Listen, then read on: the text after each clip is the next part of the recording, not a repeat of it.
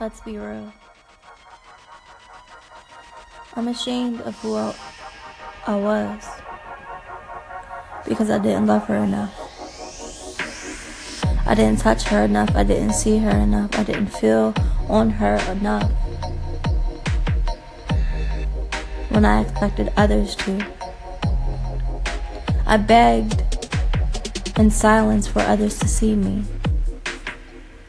to include me in their gatherings, to be my friend.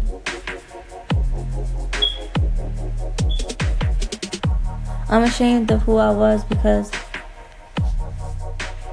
I didn't love her enough. I was blinded by my own beauty. I put myself in the box and I was supposed to be loving on me and him. But that ended, and I finally got a chance to see and come out of that box and break through the barriers I created for me.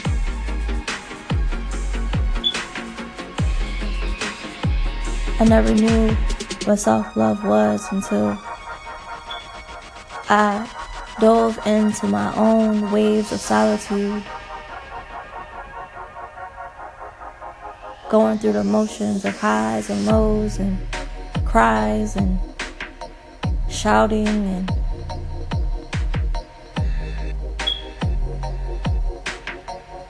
believing in my nakedness in the moonlight. It was that night when I fell in love with me, fell in love with my body, fell in love with my voice. It was that night when I got real with me. When the healing began. When I will crawl on my knees and plead to God, thanking Him for saving me,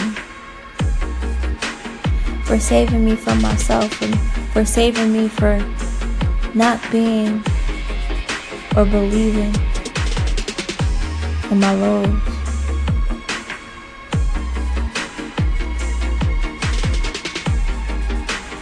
I'm ashamed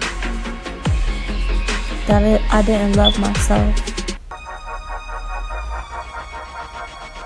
I'm ashamed that I turned the cheek to myself. That I shut myself out and closed my eyes and let myself into the darkness.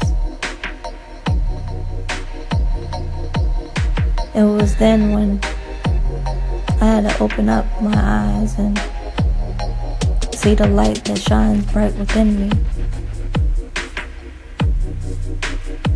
It just took some detachment and separation from things that don't, that no longer serves me. I had to be real with me.